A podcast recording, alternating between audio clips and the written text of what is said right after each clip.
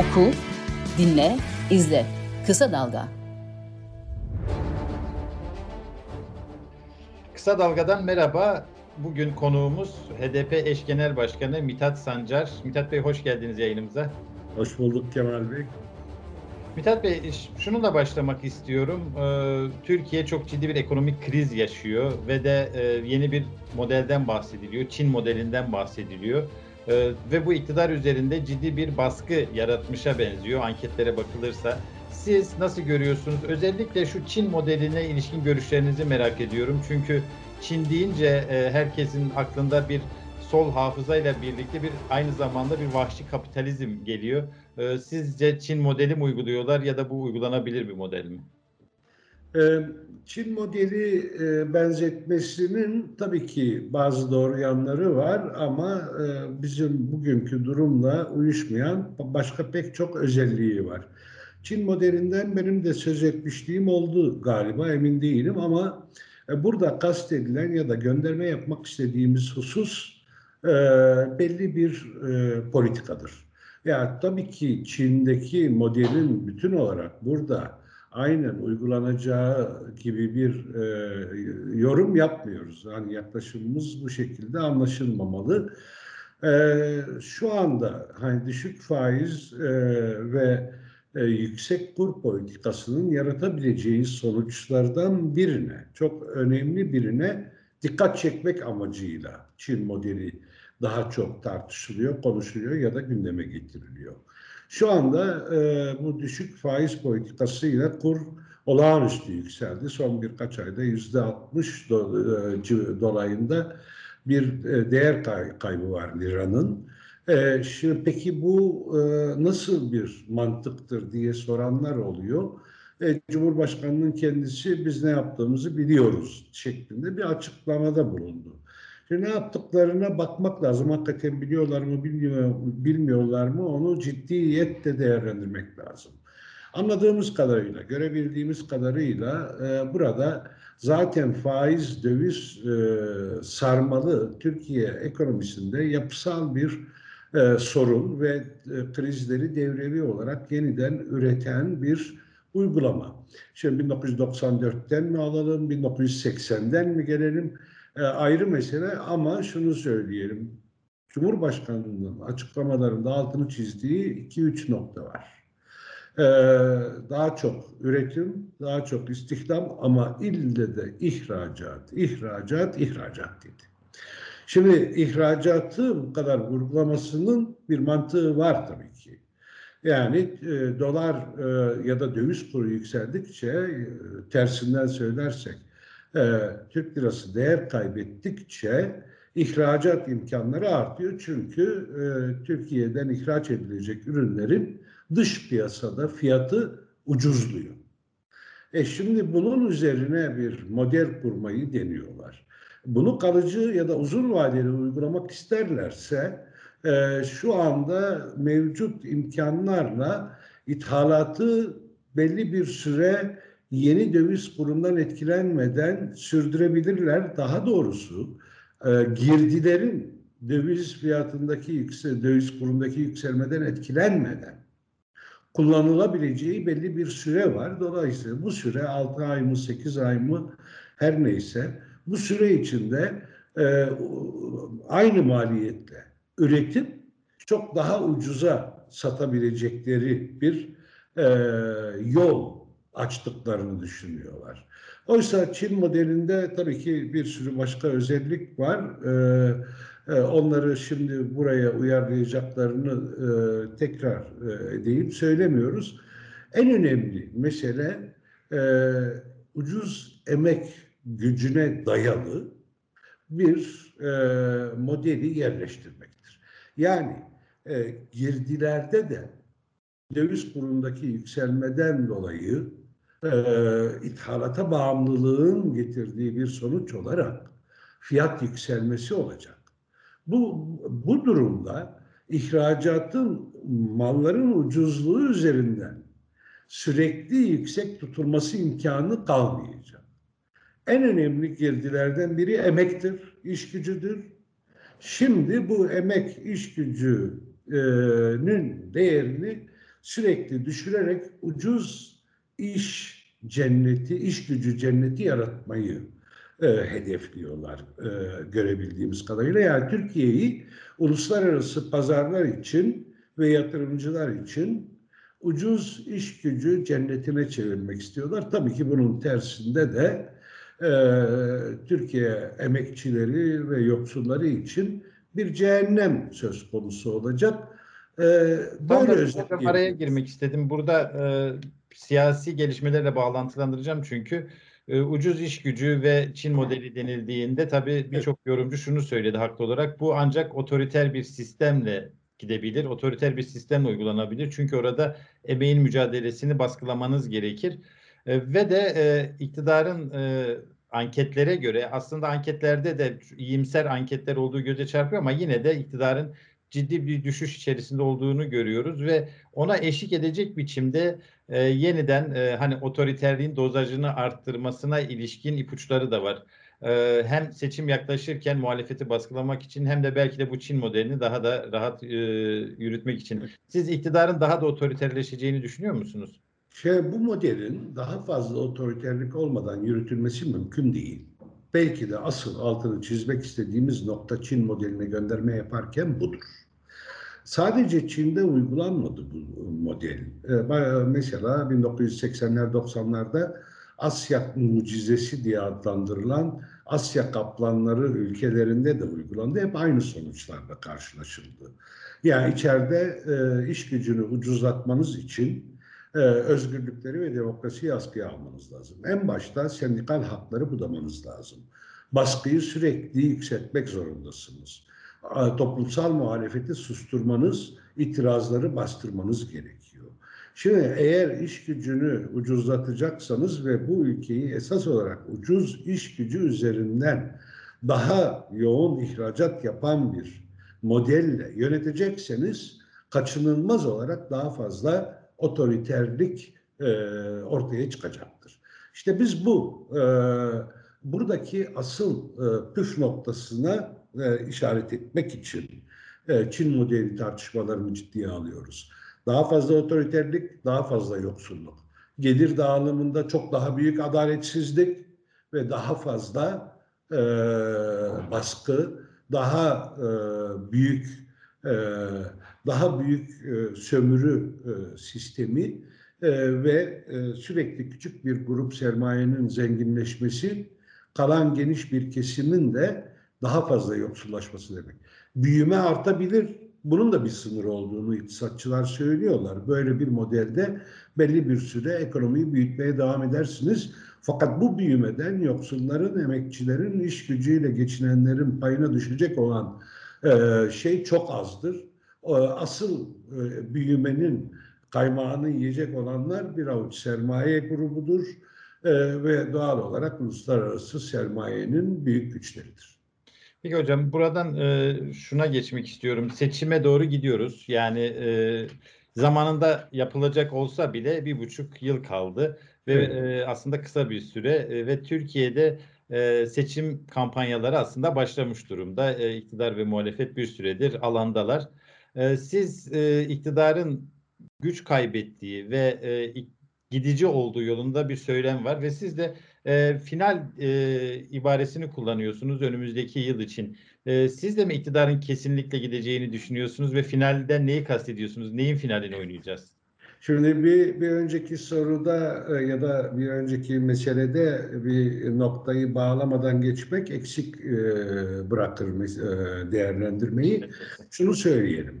Yani Türkiye'de ekonomi ile demokrasi, ekmekle özgürlük, arasındaki bağ çok çok büyüktür. Yani ekonomi ile demokrasi, iş, aşla özgürlük arasında kopmaz bir bağ vardır. Dolayısıyla e, muhalefetin mücadelesini kura, e, yürütürken ve geleceğe dair programlarını oluştururken bu bağı mutlak surette dikkate alması, işlemesi ve ikna edici bir gelecek perspektifiyle topluma sunması gerekiyor. Biz bunu yapmaya çalışıyoruz. Şimdi e, diğer soruya gelelim. Ee, evet, e, kamuoyu yoklamalarında anket şirketlerinin e, sundukları e, çalışmalarda iktidarın oy kaybettiği görülüyor. Bu doğrudur. Fakat kamuoyu anket araştırmalarının bu çalışmalarına mutlak bir değer atfetmek de yanıltıcıdır. Yani toplumsal siyasal dinamikler belli dönemdeki kamuoyu yoklamalarıyla ölçülemeyecek kadar karmaşıktır. Biz bunları siyaset teorisinde işte e, diğer e, alanlarda sosyolojide vesaire zaten hani dile getiriyorduk, çalıştık, ettik. Bunlar biliniyor. E, o, bu oy kaybını şu anda telafi edecek yolları aramaktadır zaten iktidar bloku. Ve bu arayışta neleri kullanabileceğini toplumsal ve siyasal muhalefetin iyi görmesi, iyi analiz etmesi ve iyi değerlendirmesi lazım. Hiçbir iktidar hele 19 yıldır süren ve kaybetmenin çok büyük sonuçlar, ağır sonuçlar doğuracağından ciddi korku duyan bir iktidarın e, bu oy kaybını hiç dikkate almadan e, politikalarını ve işlerini sürdüreceğini herhangi manevralar yapmadan bu gidişata teslim olacağını varsaymak gerçekten gaflettir. E, o nedenle siyaset esas olarak bu çoklu dinamikleri dikkate alan bir bakışa ihtiyaç duyar. Eğer çoklu dinamikleri dikkate alan bir bakış sahibiyseniz bu çoklu dinamiklere ve çoklu çelişkilere uygun programlar ve mücadele yöntemleri geliştirirsiniz. HDP olarak yapmaya çalıştığımız da budur esas olarak. Yani e, iktidarın oy tabanı e, eriyor ve zaten kaybedecek e, bu iktidar ilk seçimde şeklindeki yaygın algıyı esas almadan iktidara kaybettirecek politik program ve mücadele hattını oluşturma görevinin ile karşı karşıya olduğumuzu söylüyoruz. Evet bir final dönemine giriyoruz.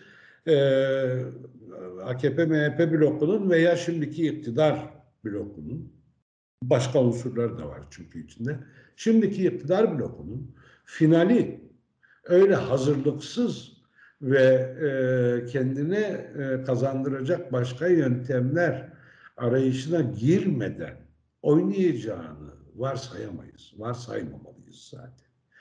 Bizim toplumsal muhalefet ve siyasal muhalefet olarak to, e, e, halkın önüne e, inandırıcı bir alternatifle çıkmamız gerekiyor. Hem politikalar hem de bir araya geliş biçimi açısından. Yani tırnak içinde ittifaklar bakımından da inandırıcı, toplumu ikna eden, toplumun büyük çoğunluğunu ikna eden, şu anda AKP'den kopmuş olan ama henüz tam olarak başka yere de yönelmemiş bulunan geniş kitleyi kazanabilecek bir çalışmaya ve bir yaklaşıma ihtiyaç vardır. Hocam tam da burada araya girdim ama şunu soracağım. E, HDP'nin e, çağrıları vardı. Buna Demokrasi İttifakı deniliyordu. Sonra işte üçüncü e, ittifak falan adları takıldı. Ve geçtiğimiz haftalarda bir tartışma yaşandı. Ee, özellikle TKP Genel Sekreteri Kemal Okuyan'ın e, verdiği bir söyleşi, e, Selahattin Demirtaş'ın, önceki eş genel başkan Selahattin Demirtaş'ın açıklamaları böyle bir solda bir polemik oluştu. E, ama e, nasıl gidiyor buradaki ittifak çabaları, çalışmaları umutsuz gördüğü biraz insanlar bu e, polemiği görünce. E, ama herhalde e, EMEP Genel Başkanı ile ben bir söyleşi yapmıştım Ercüment Akdeniz. O daha bir umutlu konuşmuştu. Nasıl gidiyor? Biraz bilgi verebilir misiniz? Tabii ki. Bir defa biz Demokrasi İttifakı'nı sadece sol birlikte birlikten ibaret görmediğimizi her fırsatta söylüyoruz ama solda mümkün olan en geniş birlikteliği Demokrasi İttifakı'nın çok önemli bir unsuru olarak değerlendiriyoruz. Yani biz Demokrasi İttifakı'nı çok daha geniş kapsamlı düşünüyoruz ve böyle tanımlıyoruz. Diyoruz ki Türkiye'de bu gidişatta rahatsızlık duyan, mevcut sistemden canı yanan, kimliği itibariyle, sınıfsal konumu nedeniyle ve diğer bütün mağduriyetler açısından canı yanan bütün kesimleri bir araya getirecek bir çalışma. Bizim demokrasi ittifakından anladığımız esas olarak budur. Sol birlik veya sol ittifak bunun kesinlikle çok önemli bir unsurudur. Ee, dolayısıyla çalışmalarımızı bu e, çoklu perspektife uygun yürütüyoruz ve bugüne kadar da e, geldiğimiz noktadan e, karamsarlığa kapılmamız için herhangi bir neden olmadığı gibi tam tersine e, memnun olduğumuzu söyleyebilirim. Bazı tartışmaların e, yaşanması kaçınılmazdır. E, hani TKP Genel Sekreteri'nin açıklamaları bir tartışmayı başlattı görünüyor ama bu yeni bir tartışma değil. Yani solda eskiden beri var olan bazı hususların yeniden gündeme gelmesi gibi değerlendirmek daha doğru olur ama HDP olarak bizim yaklaşımımız görüşmeleri birebir yürütmektir. Daha sonra gerekirse daha e, fazla sayıda yani önce birebir görüşmeler sonra aynı masa etrafında ilk bu görüşmelerin e, paydaşlarıyla ortak tartışma yürütmektir ve biz bunu basın üzerinden bir polemik şeklinde yapmayı hiç tercih etmiyoruz. O nedenle bu tartışmaya doğrudan HDP yönetimi olarak e, dahil olmak istemedik. Çünkü kamuoyunun önünde bu tartışmanın yürütülmesinin e, şu anda gördüğümüz bir faydası yok. Esasen farklılıklarımızı... Burada şu gelebilir, e, araya girdim ama yine Selahattin Demirtaş'ın e, mektupları vardı, e, yazıları vardı. E, bunlara bir eleştirel yaklaşım olarak algıladım ben. E, doğru olmadı mı sizce böyle bir e, Selahattin Demirtaş'a Kemal Okuyan'ın? Çünkü önce Demirtaş bir şey söyledi, Okuyan yanıt verdi. En sonunda Demirtaş solu arıyorsanız kendi solunuza bakın, HDP'nin soldaki yerini arıyorsanız dedi. Bu polemiği bir bütün olarak doğru bulmadınız sanırım. E, genel olarak bu meselenin kamuoyu önünde polemik şeklinde tartışılmasını tercih etmiyoruz biz.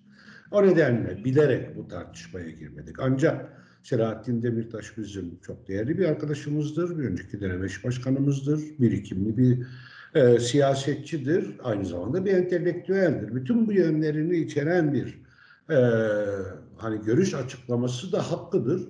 E, bu tartışma yürütülürken HDP ile Demirtaş arasında farklılıklar varmış e, ya da işte HDP'de farklı yön, yönelimler mevcutmuş gibi bir algı doğuyorsa bu doğru değildir. Çünkü bizim Selahattin Demirtaş'la doğrudan diyalogumuz vardır. Kendisine bu konuda görüşlerimizi de aktarıyoruz, onun görüşlerini de alıyoruz. Böyle bir tartışmaya girmiş olmasının bir sakıncası olduğunu düşünmüyoruz.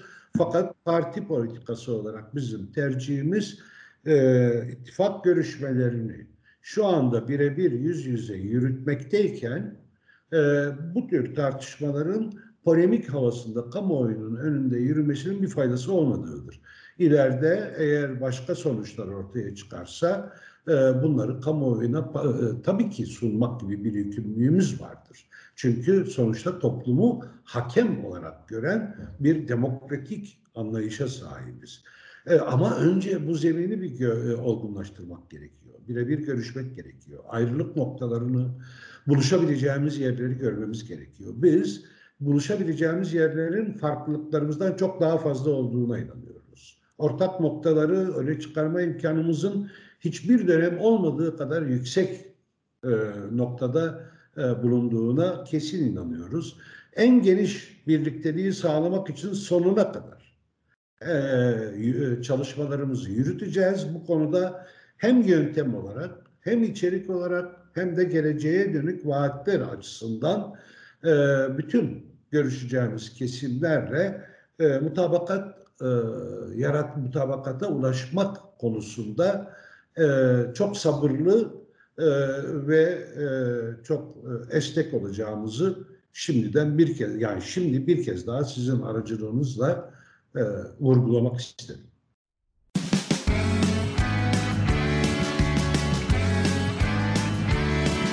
Kulağınız bizde olsun. Kısa Dalga Podcast. Buradan muhalefetin performansına gelmek istiyorum. Ee, özellikle CHP'deki muhalefet anlayışında bir e, farklılaşma olduğu belirtiliyor. Bu da özellikle Kılıçdaroğlu'nun e, performansıyla ilişkili aslında. E, grup başkan vekillerinin muhalefet yapış tarzında pek bir farklılık olmadı ama Kılıçdaroğlu geçen yılki bütçe konuşmasından itibaren bir iletişim stratejisi değişikliğine gitti ve e, son bütçe görüşmeleri de zirve oldu. Hem e, muhalefet yapış tarzında bir farklılık oldu mu CHP'nin? Bunu sormak istiyorum. Siz nasıl değerlendiriyorsunuz, nasıl görüyorsunuz? Hem de e, bütçe görüşmelerini soracağım ama önce CHP'yi e, yanıtlarsanız daha sonra bütçe görüşmelerine ilişkin soruyu. Ee, Yani başka partilerle özellikle muhalefet partileriyle ilgili geniş değerlendirme yapmayı pek tercih etmiyorum. Ben de orada bulunuyorum. Fakat e, evet e, CHP'de de e, daha öncekinden farklı bir e, e, çizgi, farklı bir tarzın denendiğini e, bizler de tabii görüyoruz ve bunun olumlu yanları olduğunu da düşünüyoruz. E, Dolayısıyla eğer e, CHP gibi e, yani siyasal muhalefetin e, önemli bir unsuru yeni bir tarz deniyorsa bu tarzın da önümüzdeki dönemde genel olarak demokrasi mücadelesine katkı yapacağını görüyorsak bunun hakkını teslim ederiz. Evet, e, çok farklı kesimlerle diyaloğu deneyen bir tarz doğru bir tarzdır. Şimdiye kadar iktidarın çizdiği oyun sahasının dışına çıkma cesaretini göstermek doğru bir tarzdır. Helalleşmeyi kastediyorsunuz herhalde değil mi? Yani helalleşme Helalleşme, helalleşmeyi bir bir yandan helalleşmeyi kastediyorum diğer yandan tezkeredeki tutumu e, e, işaret ediyorum. Yani şunu demek istiyorum. İktidarın belirlediği bir alan vardır ve iktidar belli konuları devlet politikası olarak muhalefete de büyük ölçüde kabul ettirebilmişti. Sanki kendi politikaları devlet politikasıymış gibi bir algıyı güçlü bir şekilde yerleştirmişti iktidar. Ee, özellikle Kürt sorununda ve özellikle bölgesel meselelerde, özellikle silahlı kuvvetlerin işin içine sokulduğu konularda bunları devlet meselesi haline getirmeyi bir şekilde e, beceren bir e, siyaset ve yöntem izleyebildi iktidar. Ve muhalefeti de neredeyse tamamen siyasal muhalefeti de bu oyun sahasının içinde uzun süre tutmayı başardı. Şimdi biz e, e, yine uzun süredir iktidarın oyun sahasında oyunu kabullenmenin iktidarın ömrünü uzatmaktan başka bir sonuç doğurmayacağını hep vurguladık. E, farklı bir e, oyun kurmak gerekiyor. Halkın çıkarlarına bir e, oyun kurmak gerekiyor. Kutuplaşmayı, gerilimi ve çatışmayı, düşmanlaştırmayı yeniden üreten her yaklaşıma karşı bunun tersini hedefleyen bir anlayış ortaya koymak gerekiyor diyorduk. Muhalefete de eleştirimizin temelinde yatan unsurlardan biri buydu. Ee, ve e, düşünün e, Suriye politikasını hep eleştirdiler. Sadece CHP değil İyi Parti de eleştiriyor. Ee, sonra e, Libya'daki meseleye varana kadar her konuda eleştiri yapılıyordu. Fakat tezkereler geldiğinde iktidarla aynı doğrultuda oy kullanılıyordu. Şimdi bunun kırılması gerekiyor diyordu. Çünkü iktidar bunun üzerinden yürüyor. Militaristleşme, Kürt sorununda güvenlikçi anlayış ve bunların üzerinden milliyetçiliği devlet, kutsal devlet anlayışını geri getiren bir hamaseti yürütmeyi hedefliyor diyordu. Muhalefet ara, muhalefet güçleri arasında da bu şekilde tartışmalar ve ayrılıklar yaratmayı başarmak gibi bir hırsı var diyorduk iktidarın.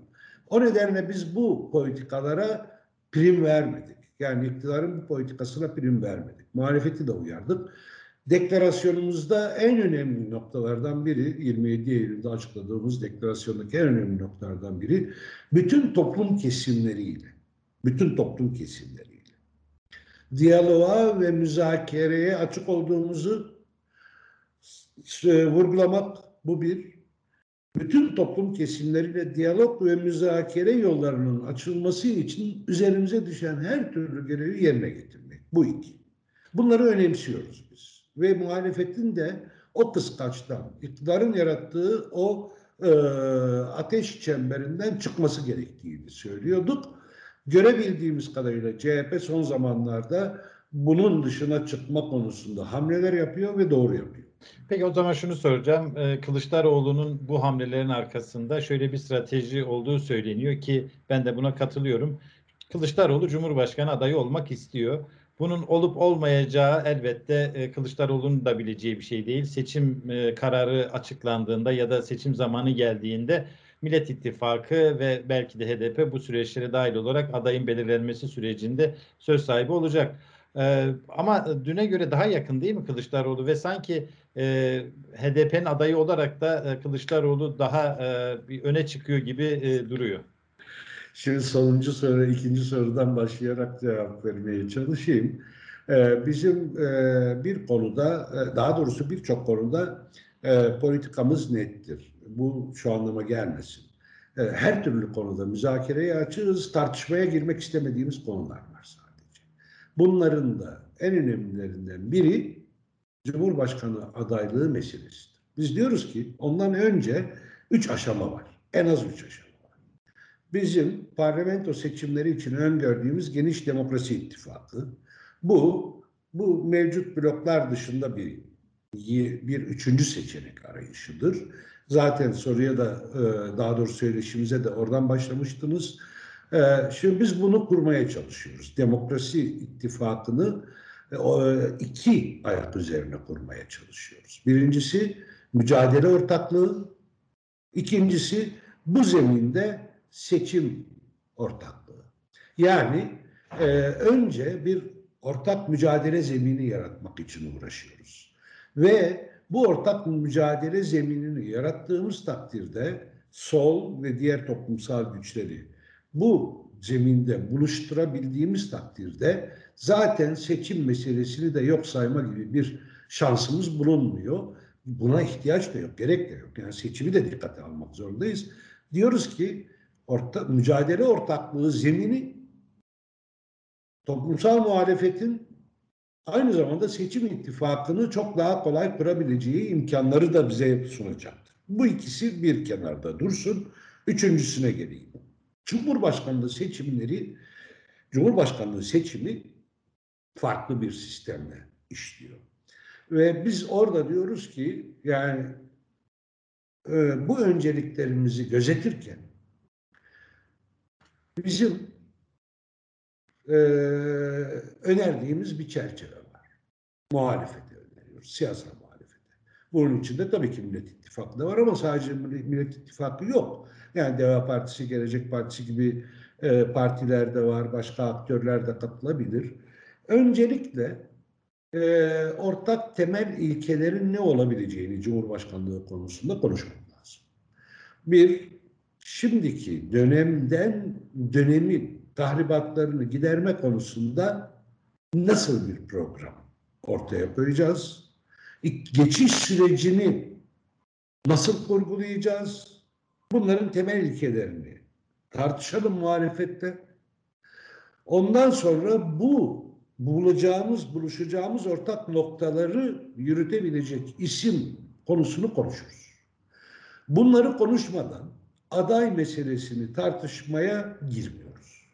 Çünkü bugün esas büyük tuzağın sürekli isimler üzerinden Cumhurbaşkanlığı seçim tartışmasının e, sulandırılması ve e, Cumhur İttifakı'na yarayacak bir zeminde yürütülmesidir.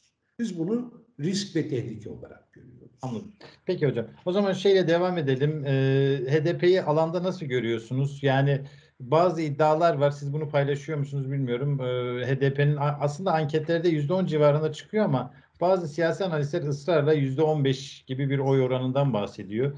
Bunun dayanağını siz de görüyor musunuz ve e, seçime doğru giderken HDP'nin gücü e, nasıl? Çünkü on binlerce üyeniz gözaltına alındı. E, tutuklananların sayısı da binlerle ifade ediliyor. E, bütün bunlara rağmen ve siyasi faaliyete devam etmeye çalışıyorsunuz. E, seçimlerde HDP ne yapar? Tahmininiz nedir? Evet yani siyasi analistlerin bir kısmı böyle diyor ama siyasetçilerin bir kısmı da öyle diyor. Bunlardan biri de benim. Yani e, ben uzun süredir e, bizim kendi barajımızın yüzde on beş olduğunu söylüyorum. Yani e, biz kendimize baraj olarak, başarı barajı olarak yüzde on beşi belirledik. Bunu öyle bir e, seçmenimize gaz verme veya sadece acite etme gibi bir amaçla yapmıyoruz. Da, biz bunu söyledikten aylar sonra yapılan araştırmalar bu e, hedefimizin rasyonel temellerini de ortaya koydu. Nedir bunlar? E, bir defa e, HDP'nin bütün bu saldırılara ve Türkiye'deki bütün bu otoriterleşme, çatışmacı anlayışa rağmen barış ve demokrasi konusunda kimlik haklarıyla emek haklarını birleştirme, buluşturmak konusunda kararlı ve istikrarlı bir çizgiyi bozmadan yürümesidir. Yani bakın son 20 ayımıza e, baka, e, bir e, 20 ayımızı da e, incelerseniz bunu görebilirsiniz. Demokratik siyasette ısrar, bütün mağduriyetleri kapsayan geniş bir demokrasi ittifakı ve bütün çelişkilerin e, buluş, e, dikkate alındığı belli bir çerçeve. Şimdi kimlik hakları dediğimizde Kürt sorunu. Kürt sorununda barışın bu ülke için ekonomide de, demokraside de, başka alanlarda da hayati önem taşıdığını ısrarla söylüyoruz. Demokratik çözüm ve barış. Bunun öncülüğünü, adresini, e, a, a, muhataplığını hepsini üstlenmeye hazır olduğumuzu söylüyoruz ve çalışmalarımızda bu çerçevede hiçbir e, faktörden etkilenmeden yürütme çabasındayız. İkincisi, e, bir defa evet çok güçlü bir e, tabanımız var e, ve çok e, hani baskılarla e, boyun eğmeyecek, e, baskılarla e, kendi hedeflerinden ve değerlerinden vazgeçmeyecek bir büyük politik olgunluğu e, da bulunuyor bu tabanın. Yani acılardan süzülmüş büyük bir olgunluk var. Şimdi acıyı öfkeye, öfkeyi de yıkıcılığa dönüştürebilirsiniz ama bizim tabanımızın büyük bir bölümü acıyı olgunluğa, olgunluğu kurucu siyasete havale etmeyi becerebilecek güçlü bir potansiyele sahiptir. Biz şimdi HDP yönetimi olarak onlara layık olmaya çalışıyoruz. Onların bu ruh... Havası peki buna nasıl etki eder? Sayın Orada da geleceğim. Şunu demek istiyorum. Yüzde on beş derken tabii ki sosyolojik gelişmeleri de dikkate alıyor analistler. Yani yeni seçmen kitlesi içinde çok sayıda Kürt gencinin bulunması ama sadece Kürt genç nüfusun değil.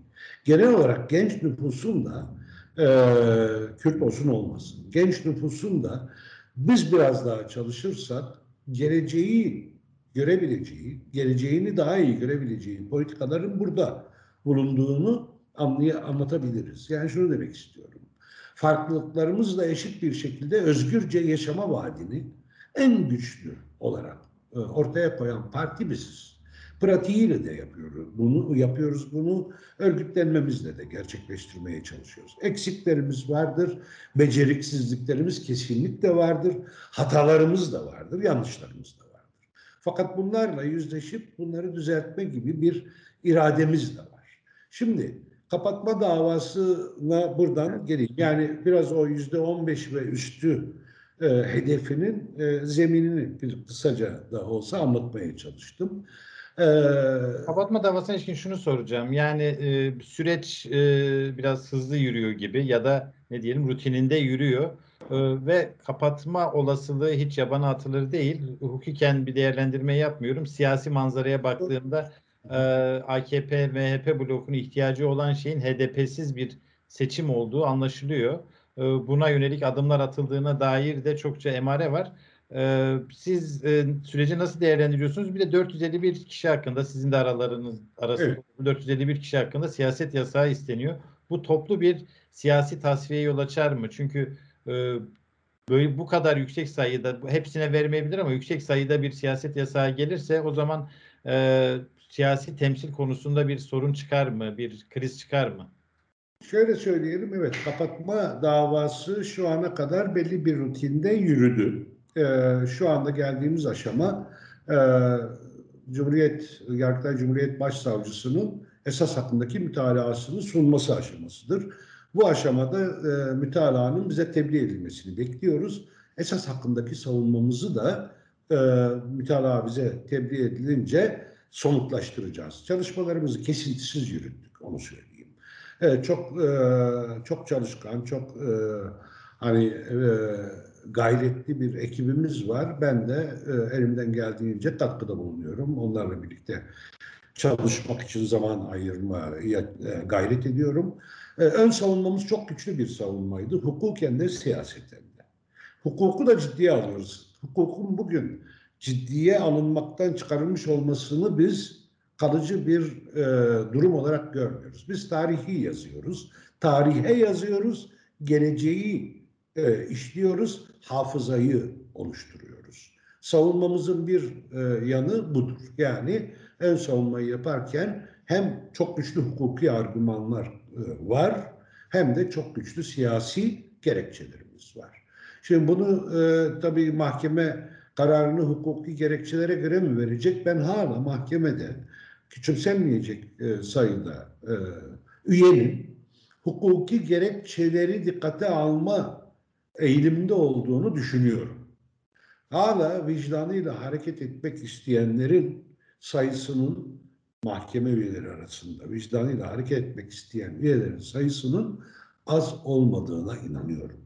Ama hangi şartlarda yaşadığımızı da bilecek kadar tecrübe sahibiyim. Yani öyle hayaller kurmayacak kadar da bir e, geçmiş tecrübem ve birikimim var. E, e, çok ağır baskı altında kaldıklarında nasıl bir e, karar verecekleri konusunda da kimsenin garanti e, sunması mümkün değil. Yani özetle kapatma kararı çıkabilir elbette. Ve bu ihtimal e, e, de biz elbette e, önümüzde tutuyoruz. Kapatma kararı çıkması halinde ne yapacağımıza dair de çalışmalarımızı dava açılmadan zaten e, yapmaya başlamıştım. Alternatiflerimiz vardır, seçeneklerimiz vardır. E, biz Türkiye'ye kazandırmak için siyaset yapıyoruz. Kim özel olarak kaybettirme siyaseti değil. Kaybettirirken kötüye kaybettirirken iyinin de kazanmasını istiyoruz. Ee, kaybettirme gücümüzün çok yüksek olduğunu herhalde en iyi gören, en iyi bilen e, muhatap iktidardır. Ee, şunu daha açık söyleyeyim. İki kere çok ağır kaybettirdik ve bütün bu şimdi içinde bulundukları yönetme krizi, bütün bu çalkantıların sebebi o iki büyük kayıptır. Biri 7 Haziran 2015, biri de 31 Mart ve 23 e, Haziran 2019 yerel seçimleridir. Biz hala kaybettirme, kötüye kaybettirme hedefimizi bir yana koymuş değiliz. Kötüyü çok geniş bir e, çerçeve olarak anlayın lütfen. Yani bunun içine despot yönetim diyebiliriz, faşizmin kurumsallaşması diyoruz ama genel olarak kötüye kaybettirme gücümüz çok yüksektir. Fakat biz siyaseti sadece kaybettirme üzerine yapmayı eksik ve yanlış buluyoruz. Türkiye'ye kazandıracak yolu mutlaka bulacağız. Kötü kaybederken, kötüye kaybettirirken iyi inşa edecek yolu mutlaka bulacağız. Siyasi yasaklar konusuna gelince. Ee, bizlere siyasi yasak gelmesi bizim siyaset yapmamızı engellemez. Biz e, bizim e, emek vermemizi, bizim bütün gücümüzle çalışmalara katılmamızı engellemez. Yani biz bir siyasi irade olmaktan çıkmayız, siyasi şahıs olmaktan da çıkmayız. Sadece bir siyasi partiye üye olma imkanı ortadan kalkacaktır. Kapatma kararına bağlı olarak siyasi yasaklar gelirse bizim e, daha fazla motivasyonumuz olacağını söyleyeyim. Hem bizlerin hem de tabanımızın çok daha yüksek motivasyonla çalışacağı kesindir. E, siyasi kadro bulmak konusunda da ee, bizim içinde yer aldığımız geleneğin bir sıkıntısı olmadı şimdiye kadar. Düşünün ki on binlerce arkadaşımız içeride ama bütün il ilçe örgütlerimiz çalışıyor.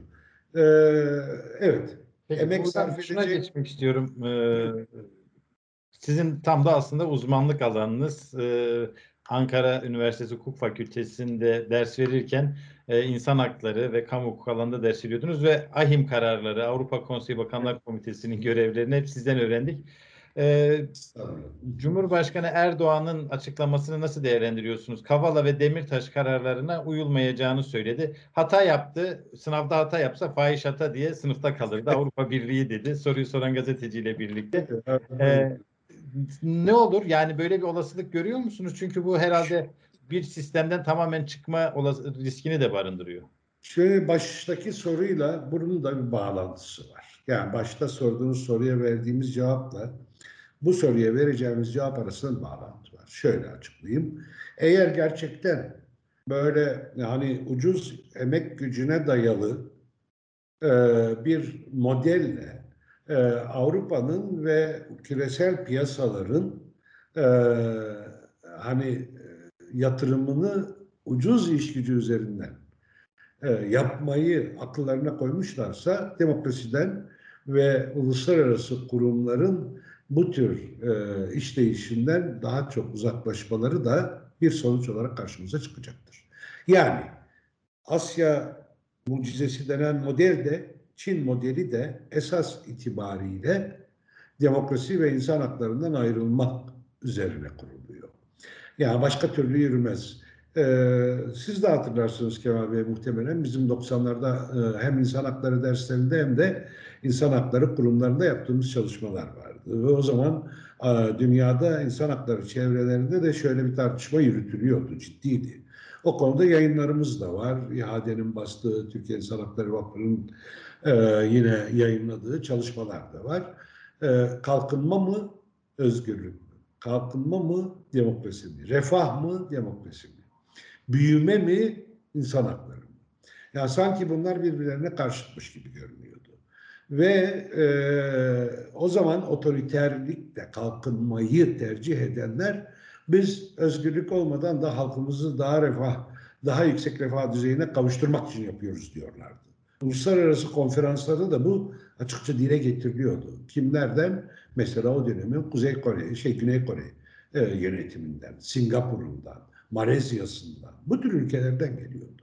Sonra Vietnam ve benzeri ülkelerde vardı.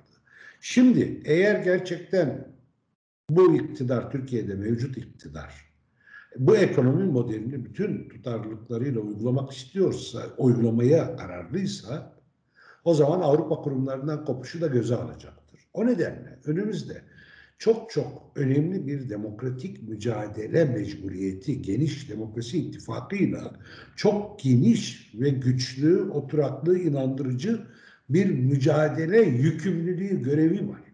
Biz bunu bir buçuk yıldır söylüyoruz ve şimdi ne kadar önemli olduğu çok daha aşikar hale geldi.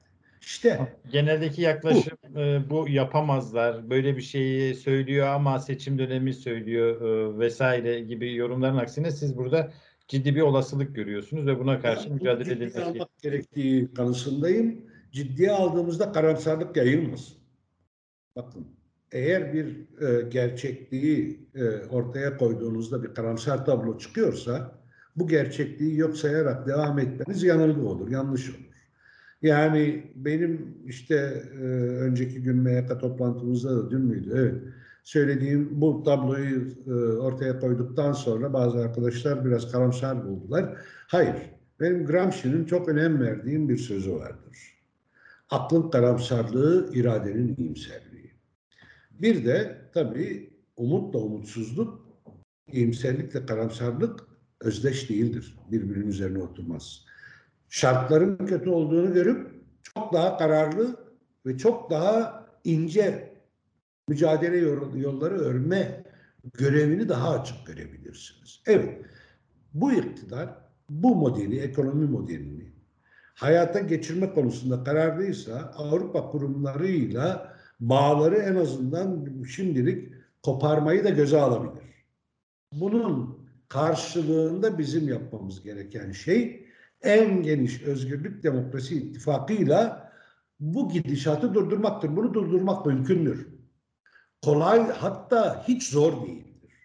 Yeter ki biz güçlü bir mücadele birlikteliği ve toplumun önüne gerçekten barışı, demokrasiyi ve refahı birlikte inandırıcı bir biçimde koyan bir programı kurabilelim. Eğer bunu yaparsak e, Türkiye'de demokrasi güçlerinin kazanması e, bana göre e, çok e, öyle kolaydır diyeceğim ama çok iş gerektiriyor. Asıl iktidara kaybettirecek olan bu güçlü alternatifin yaratılmasıdır. Sayın biz son olarak yaratacağımızı düşünüyoruz. Son olarak aslında arada soracaktım ama e, atladım e, başka konular girdiği için. Kısa yanıt verirseniz çok sevinirim. E, Süleyman Soylu'nun bütçedeki performansını soracağım. Çünkü doğrudan HDP e, Grup Başkan Vekili Meral Danış Beştaş'a yönelik e, tehdit olarak Beştaş'ın ifade ettiği bir e, sözü ifadesi oldu ve de meclisteki tavır ve davranışları bir bakanlığından beklenen tavır ve davranışlar değildi. Çok kısaca siz Soylu niye böyle davranıyor ve Soylu meselesiyle ilgili kısa bir değerlendirme yapar mısınız? Tabii yani bek, e, hani bir İçişleri Bakanı'ndan beklenen bir davranış değildi sözünü şöyle düzeltelim. Evet, Süleyman Soylu'dan e, beklenecek bir davranıştı. Evet, ortada bir sürpriz yok. E, fakat eski performansından uzaktı. Yani e, o eskiden öyle üst perdeden e, bağırıp çağıran ve e, ortamı da belirleyen e, hava ve e, özgüven yoktu zaten. Eskiden de bunu başardığını söyleyemem ama belli ölçülerde daha iyi performans sergiliyordu. Dün bir acizlik hali vardı. E, sayısız iddiayla yolsuzluk, uyuşturucu çeteleriyle bağlı irtibat ve iltisat, kendi şirketinin, poliçelerinin, o sesinin getirdiği yüksek getiri, başka pek çok hukuksuz iş vesaire konusu ortadayken kendisinin seçtiği yol aynı hamaset yolu bir yenilik ekledi. Bana yaptığınız her eleştiri devlete yönelik saldırıdır dedi. E bu da artık kimsenin inandığı bir argüman değil. Kısacası acizlikti ve bir sefaret görüntüsüydü. Şimdi peki neden böyle yaptı derseniz sanırım iktidar eğer bu dönemde dediğimiz gibi bu ekonomik modeli ve bu siyasal çizgiyi yürütecekse dün Soylu'nun yaptığı gibi sürekli gerilim yaratan, sürekli kavga havasını canlı tutan, hamaseti e, en üst noktaya taşıyan devlet, milliyetçilik, şehitler, gaziler üzerinden istismarı en uç noktaya götürecek kişilere ihtiyaçı olacaktır bu yılda. E bunun için de yeterince tecrübe biriktirmiş bir bakan varken bütün hakkındaki iddiaların ne demek olduğunu bildikleri halde görevde tutuyorlarsa Demek ki amaç bu dönemde bunu daha iş, daha da işlevsel kullanabileceklerine yönelik bir öngörüdür. Fakat dün gördük ki e, yanlış hesap yapıyorlar. Eğer e, bu e, bu tür şahıslarla ve yöntemlerle toplumun ve muhalefetin karşısına çıkacaklarsa e, kaybetmeleri daha da mukadderdir. E, biz yeter ki güçlü bir demokrasi ittifakı ve toplumun önüne barış, demokrasi, refah hedeflerini inandırıcı bir şekilde koyan bir program oluşturalım. Bugünden yarına gerçekleşmesi gereken bir programdan söz etmiyorum. Topluma vaadimiz bu olsun. Bütün muhalefete sesleniyorum burada. Topluma vaat edebileceğimiz en inandırıcı hedef ve ikna edici gelecek perspektifi bu üç ayak üzerine kurulacaktır. Barış, demokrasi, adalet. Yani refahı da adil, yani daha doğrusu kaynakları adil paylaşmak, bu ülkede e, Kürt sorununun demokratik çözümü ve bunun üzerine barışı sağlamak ve demokrasiyi kurumsallaştırmak. HDP bu konuda üzerine düşen her şeyi yapmaya hazırdır ve bu konuda çalışmalarını kararlılıkla yürütmeye devam edecek. Sayın Sancar çok teşekkür ederim. Çok e, önemli üç gelişme ile ilgili Çin modeli, e, Erdoğan'ın e, Avrupa Konseyi ile ilgili açıklaması ve de meclisteki tartışmaları birbirine bağladığınız bir köprü şeklinde.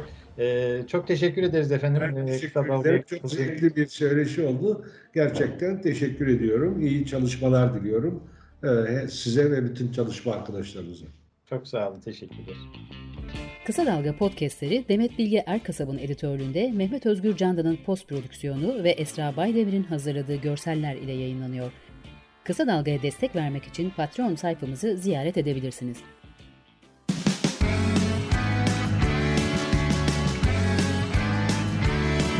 Kulağınız bizde olsun. Kısa Dalga Podcast.